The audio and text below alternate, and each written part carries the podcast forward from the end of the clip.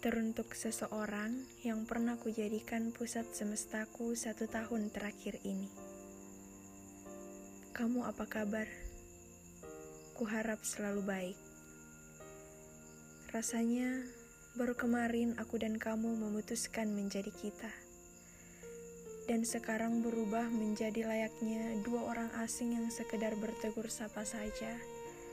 Rasanya enggan. Miris Waktu banyak merubah segalanya memang.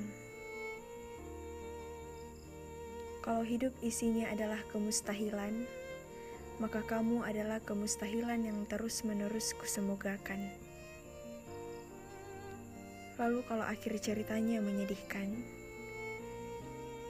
maka ya sudah, aku saja yang mengisi bagian sedihnya. Kamu melangkah terus saja aku tidak apa-apa. Maaf jika aku belum pernah merasa cukup untukmu. Dan terima kasih untuk semua yang pernah kamu lakukan untukku. Tenang saja. Aku tidak akan pernah bisa benci bahkan dendam padamu. Karena sampai detik ini, doaku masih selalu ada menyertaimu. Baik-baik dan bahagia ya.